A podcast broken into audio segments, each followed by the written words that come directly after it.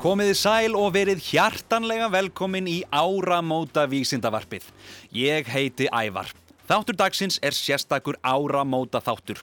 Við ætlum að fræðast um flugelda og hvernig þeir komast á loft og svo ætla ég að flytja áramóta ávarp Ævars vísindamanns. En það er ekki allt. Ég fæ líka góða gesti. Þau Sigriði Giðu og Guðjón Hafstein frá Hjálparsveit Skáta í Reykjavík. Þau ætla að heimsækja mig og ræða örlítið við mig um það hvers vegna við verðum að fara einstaklega varlega þegar kemur að flugeldum. Þau vita nefnilega allt um flugelda og koma meðal annars að því að hanna flugeldasýninguna þessa risastóru á menningarnót. Vitið við skulum bara byrja á því að heyra í þeim. Hingaður komin Sigriður Gíða Haldurstóttir, leikskólakennari og almennur björgunamadur hjá Hjálparsveit Skáta í Reykjavík og Guðjón Hafstein Kristinsson, námsmaður, lagarstjóri í flugveldasölunni og almennur björgunamadur líka hjá Hjálparsveit Skáta í Reykjavík. Velkomin. Takk. Um, ég bauði ykkur í heimsuna því mér langaði svolítið, ég er svo, ég er svo forvitin um flugelda og, og annað þeim tengt en ég er líka svolítið forvitin um, um Hjálparsveit Skáta og, og starfið sem á sér þar stað ef ég kannski bara byrja á, á þér Sigriður, hver er svona hver er þinn bakgrunnur, hvernig endar þú í, í hjálparsveit skáta? Þetta var alltaf búin að vera draumir minn alveg frá því að ég var 17 ára. En einhvern veginn ég byrjaði og hætti og svo ákaði ég bara þegar ég var 28 ára þá hugsaði já, núna er minn tími til þess að koma í björgunarsveit. Og ég fór, ég þekkti engan en mér var svo vel tekið að þetta var bara og er búið að vera alveg frábært að vera í Björgunarsveit. Og, og hvað, hvað þýðir það að vera í Björgunarsveit? Hvað ert að gera? Ég er til dæmis eins og núna þá er ég til dæmis að loka helliseginni þegar það kemur vant viður á helliseginni. Þá er ég á samt öðrum í, í bíl, mertum Björgunarsveitni við hérna Söðlandsvegin og við stoppum og segjum fólki til og leifbennum ferðamönnum að því að þeir skilja ekki Íslands veðufar. Nei, þetta kemur þeim á óvart þessi mikli vetur. Algjörlega og þeir halda bara að það sé ekkert mál að fara bara á pínleikla bílinsunum út um allt. Og þá er náttúrulega nöðsynlegt að hafa fólk eins og ykkur sem segir bara nei, býta aðeins og ekki, ekki fara aftur og fáðu kakko og konta aftur á morgun. Algjörlega vegna þess að, að fólk líka tristir okkur ofsalega vel og við reynum líka á móti að vera tröstsins verð. Nákvæmlega. En, en þú Guðjón, hvernig endar þú í hjálparsveit skáta? Já, þetta byrjaði nú þannig að ég var í skátanum bara í hverfinu og síðan fóru nú eiginlega, eða voru eiginlega flesti sem ég þekkti svona að vinni mínu þar í björgunsvitinni. Nei, ja, þetta hefði líka verið draumið minn lengi að fara þangað, þannig að þetta var svona eiginlega náttúrulegt framhald fannst mér bara að skella mig þangað því ég hafði aldur. Og hver er svona helsti munurinn, munurinn á því að vera í skátunum og svo að vera í björgunarsveit skáta? Það er nú bara, hjá skátanum þá er þetta mjög mikið bara æskulífsstarf, reykafundi og svona, en í skátanum þá ertu að fara á, allavega í þjálfuninni þá ertu að fara að ná um skeið og læra ymsa hluti og síðan þegar þú ert orðin fullgildur og komin út kallskrá þá ertu að fara í útköll og sinna ymsum verkefnum. Og þetta eru útköll sem geta komið bara á nóttunni þess vegna eða kannski eru þið í ammali einhverstaðar eða upptekinn og það er bíó og það bara kemur símtal. Já, við fáum bara SMS ef við erum bóðið út og það getur verið hverna sem er. Og veistu ævar, það er svo skrítið að stundum hefur við fengið útkalla aðfangadagskvöld. Já, wow. Já, og þá eru björgunarsveitinar alltaf báðnar og búnar til þess að hlaupa út og hjálpa til. Við höfum þurft að leita fólki aðfangadagskvöld. Það er svakalegt. Vá, wow, og bara sem vonandi, vonandi gerist það ekki oft. Nei, alls en... ekki, en þetta sýnir bara það að þeir sem eru björgarsveit eru alltaf tilbúinir. Þetta er, þetta er ótrúlega, en, en nú eru, eru áramótin bara handa með hodnið, hvað þar maður og þess vegna bauði ég ykkur hérna í heimsótt að þið eru sérfræðingar, engin pressa, þið eru algjör sérfræðingar og hvað hva þarf maður að hafa í huga núna þegar áramótin eru handa með hodnið? Hvað er það sem að svona, er það fyrsta sem ykkur dettur í hug þegar, þegar ég segja áramót? Flugveldar. Emi, það er, það er gott, gott orð flugaldar og kannski þá flugaldar öryggi líka Hva, hvað þarf maður að hafa í huga ef maður, segjum svo að maður sé búin að einhver sem maður þekkir, búin að kaupa, kannski pappa eða mamma kaupa svona nokkra flugaldar hvað má maður fara á fyrkt í þeim til dæmis? Nei, það, það má ekki Það má alls ekki eins og ég segi við börnum mínu leikskólanum, þú mátt aldrei taka flugeld í sundur, aldrei. En, en akkur ekki? Vegna þess að púðrið sem er að í þeim, það er svo viðkvæmt og það getur sprungið bara við minnsta högg eða ef að maður er eitthvað að fykta í því þá getur það sprungið. Svo er líka öryggiskleru, þau eru svaka mikilvæg, það ekki? Hvers vegna? Það var nú þannig að það, voru, það var mikið um það að bæði fullorðnir og börn fengu bara meittu sig á auga og urðu fyrir slísi á auga af flugöldum. Og það var ekki, kannski ekkit af því að þau fóru óvarlega heldur stundum gerist það að flugöldar eru bara gallaðir og við vitum ekkit af því. Og þess vegna teljum við það að sé svo mikilvægt að við allir séum með flugöldakleru til þess að venda augun. En hvernig, en það er ekki bara glerugu sem maður þarf að vera með, það eru líka hanskar, ekki satt, og, og er, eitthvað, eitthvað fleira. Hvernig til dæmis á maður að klæða sig? Skiptir máli hvort maður er í úlpu eða lópapeisu eða, eða kannski ekki bera ofan, en svona, þú veist, að, að maður klæði sig allavega vel fyrir kuldanum, en er, skiptir efnið á, á yfirhöfninni máli? Já, það má nú ekki vera alltaf dæmis eins og flýsefni, ef það kveiknar í því þá bráðunar það bara í húðuna manns og það er ekki skemmtilegt. Það helst að vera einhverjum efnum sem eru eldtefjandi eða erfitt að kvikni eins og ull og slíkt. Þannig að þegar ég er að selja flugölda þá ráðlega allt á krökkunum. Veriði með ullarvellingan ykkar, veriði með glerúin, veriði helst með ullarhúfu líka, ekki flýshúfu og ekki flýspessinni, veriði úlpunni fyrir ykkar. Já, mitt. Hvað þarf maður að vera orðin gamall til að meiga skjótu upp flugveld? Sko, þessi yngstu með að kaupa svona smá dót með foreldrum þau eru hvað, 12 ára? Já, Já. ég held það sé þannig. En sko, ef þú ætlar að kaupa eitthvað meira þá verður það að vera orðin 16. Emitt.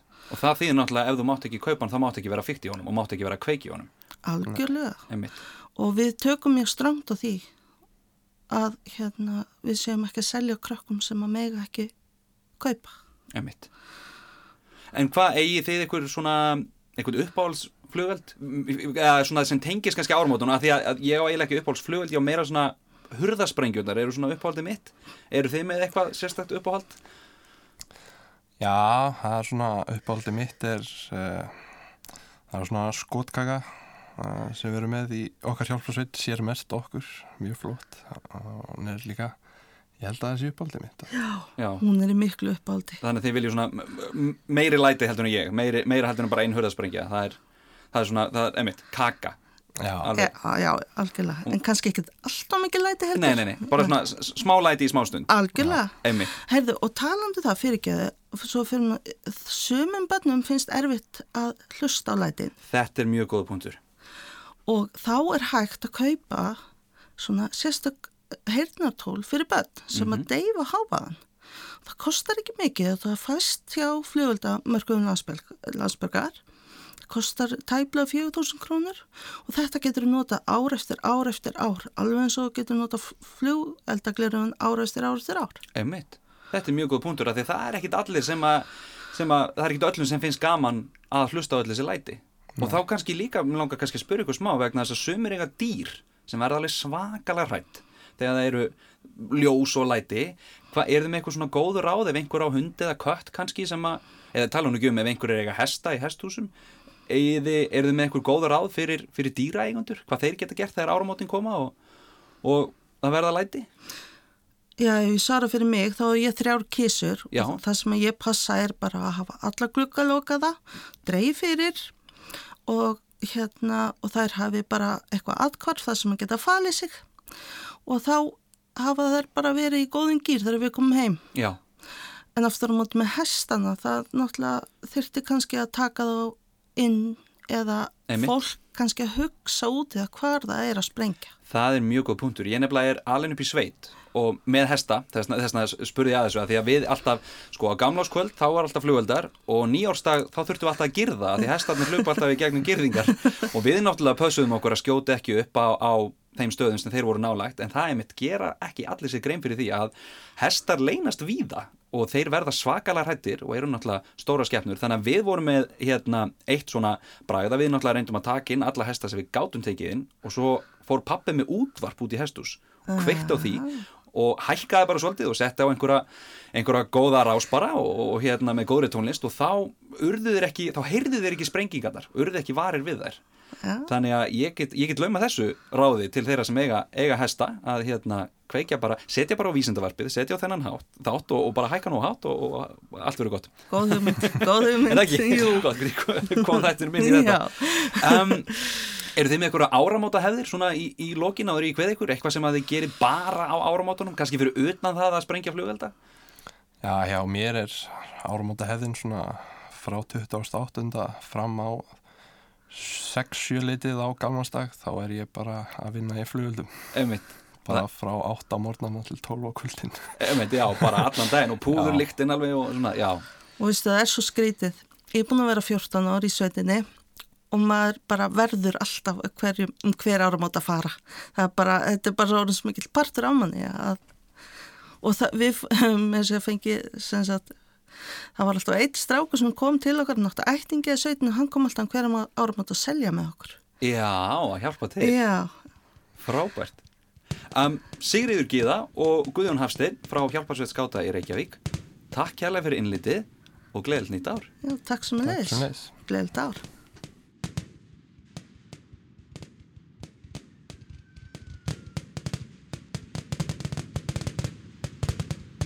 Flugaldar eru frábærir, þeir eru litríkir og spennandi en við verðum líka að fara varlega með flugelda. Við megum aldrei fykta í þeim og við verðum að fylgja leiðbendingunum sem á þeim standa frá A til Ö. Alveg eins og Sigriður og Guðjón sögðu hérna rétt áðan. En hvað eru flugaldar og hvernig ósköpunum komast þeir á loft og hvernig geta þeir verið svona litríkir? Ég heimsótti vísendavefin og ég fann svarið.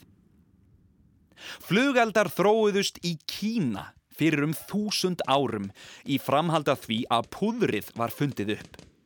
Flugeldur er nokkus konar hilki eða rör úr pappír með púðri í. Púður var upphaflega gert úr viðarkólum, brennisteini og saltpétri. Viðarkólin og brennisteinin verka sem eldsneiti við sprenginguna en saltpéturinn gefur blöndunni súrefni. Hún verður því sérlega eldfim þar sem hún þarf ekki að fá súrefnið úr loftinu eins og venjulegast er við bruna. Þegar kviknar í púðrinu verður sprenging og hiti og ljós myndast.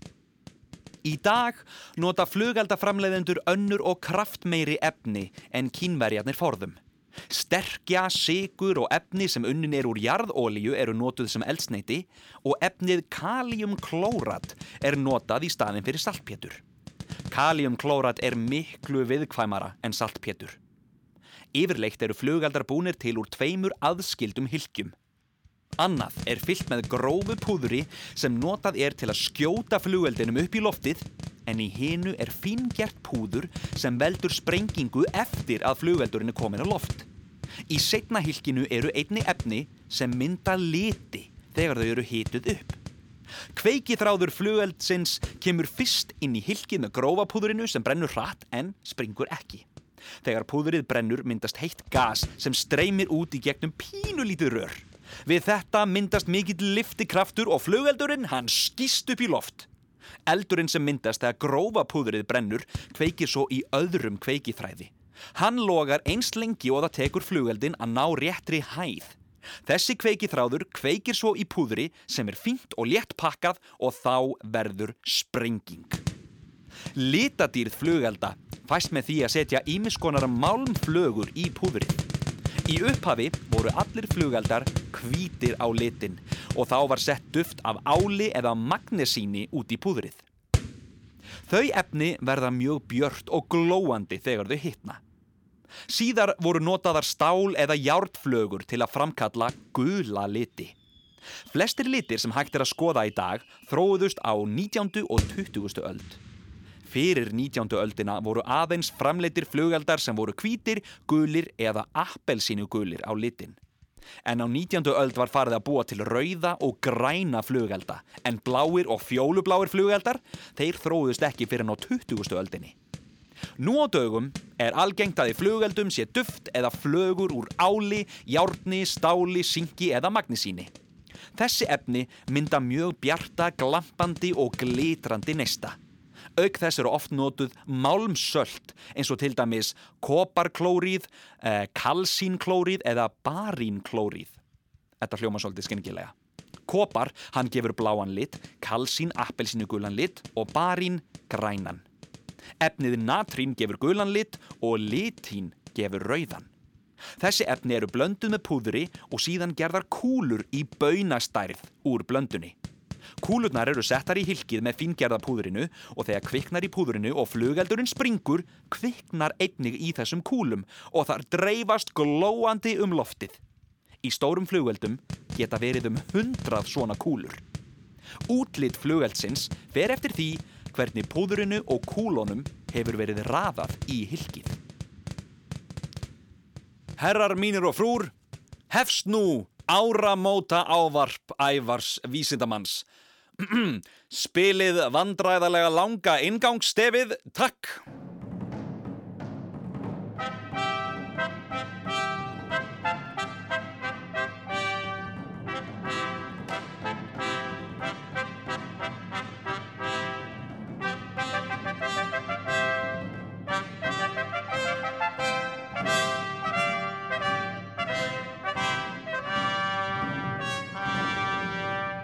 Góðir landsmenn og uh, líka þeir sem eru kannski ekki góðir heldur bara sæmilegir og líka þeir sem eru betri en góðir.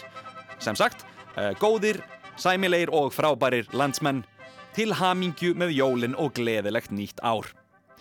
Á áramótunum er góður tími til að lítum öxl og virða fyrir sér þá sem standa fyrir aftanmann í skiptiröðinni í kringlunni. Við fáum öll eitthvað í jólagjöf sem við viljum skipta og það að býða í röð Það er nú bara eitthvað sem við verðum að gera hvort sem okkur líkar það betur eða verð. Um, ein aðtóðasemt, ef þú hefur staðið í röð í meira en tvo klukkutíma og ekkert treyfist áfram, þá eru allar líkur á því að þú standir í gínu geimslunni í hagkaupum. Farðu þá út úr geimslunni og í réttu röðina. Passaðu samt að þú sért ekki í röð sem stefnir á klósettið því þær eru oft líka afar langar en þú getur ekki skipt neinu í þeirri röð. Það er meira kannski svona röð til að skila einhverju. Á áramótonum þá hugsa maður um árið sem var að líða, um allt sem gerðist og hverja maður hitti. En maður lítur líka til framtíðar og hugsa með sér hvað ætli gerist. Nýja árið er auðvitað framtíðin og eins og við vitum öll þá gerast ótrúlegir hlutir í framtíðinni. Hvað ætli vísendamenn næsta árs muni til dæmis láta sér detta í hug? Ætli einhver finni upp nöðsynlega uppfinningu eins og til dæmis sokkaleitara sem að leitara tíndum og stökum sokkum. Eða ætli einhver annar finni upp eitthvað algjörlega ónöðsynlegt eins og til dæmis leiðindaleitara sem að leitar upp í leiðindi bæði í lífunu og á internetinu. Ætli við förum betur með umhverfið okkar eða ætlum við endanlega að ganga frá því? Munu jöklarnir hverfa eða stækka, verður veðrið gott eða hugsanlega enn verra en það var í ár. Kanski eignumst við nýja vini. Sumir eignast kannski ný sískinni sem verða á endanum nýjir vinir og hugsanlega ef við vöndum okkur svakalega þá getum við gert góð verk og hjálpað til. Og ég er ekkit endilega að tala um að við þurfum að breyta heiminum þótt að það sé auðvitað frábært líka. Stundum þá getur maður hjálpa til með bara einhverju ótrúlega einföldu eins og til dæmis að vaska upp eða taka til í herbygginu sínu eða halda hurðinni fyrir eitthvað sem er að flýta sér og stundum er meira að segja nóg að brosa bara pínulítið til einhvers. Jafnvel þótt að vandi í mann nokkra tennur og hver veit, kannski þá breytir það heiminum. Munum að vera þakklátt fyrir það sem við höfum og knúsum fólkið sem við elskum Við skulum hins vegar ekki knúsa flugelda, heldur bara láta mömmu og pappa sjá um að skjóta þeim upp í loftið. Haldiði áfram að vera forvitin. Haldiði áfram að spyrja hvers vegna og af hverju. Haldiði áfram að lesa og haldiði áfram að skrifa. Og haldiði áfram að vera því sjálf. Því það er langskemtilegast. Takk fyrir árið sem er að líða. Takk fyrir öll brefin og kveðjurnar, allar myndirnar og hugmyndirnar. Ég hlakka til að hitt ykkur öll á nýja árinu, bæði í sjónvarpinu og hér í vísindavarpinu. Þetta er ævar vísendamaður, þetta var áramóta ávarpið mitt og nú kveði ég ykkur öll sem eitt með þessari kveðju, gleðilegt nýtt ár og takk fyrir það gamla.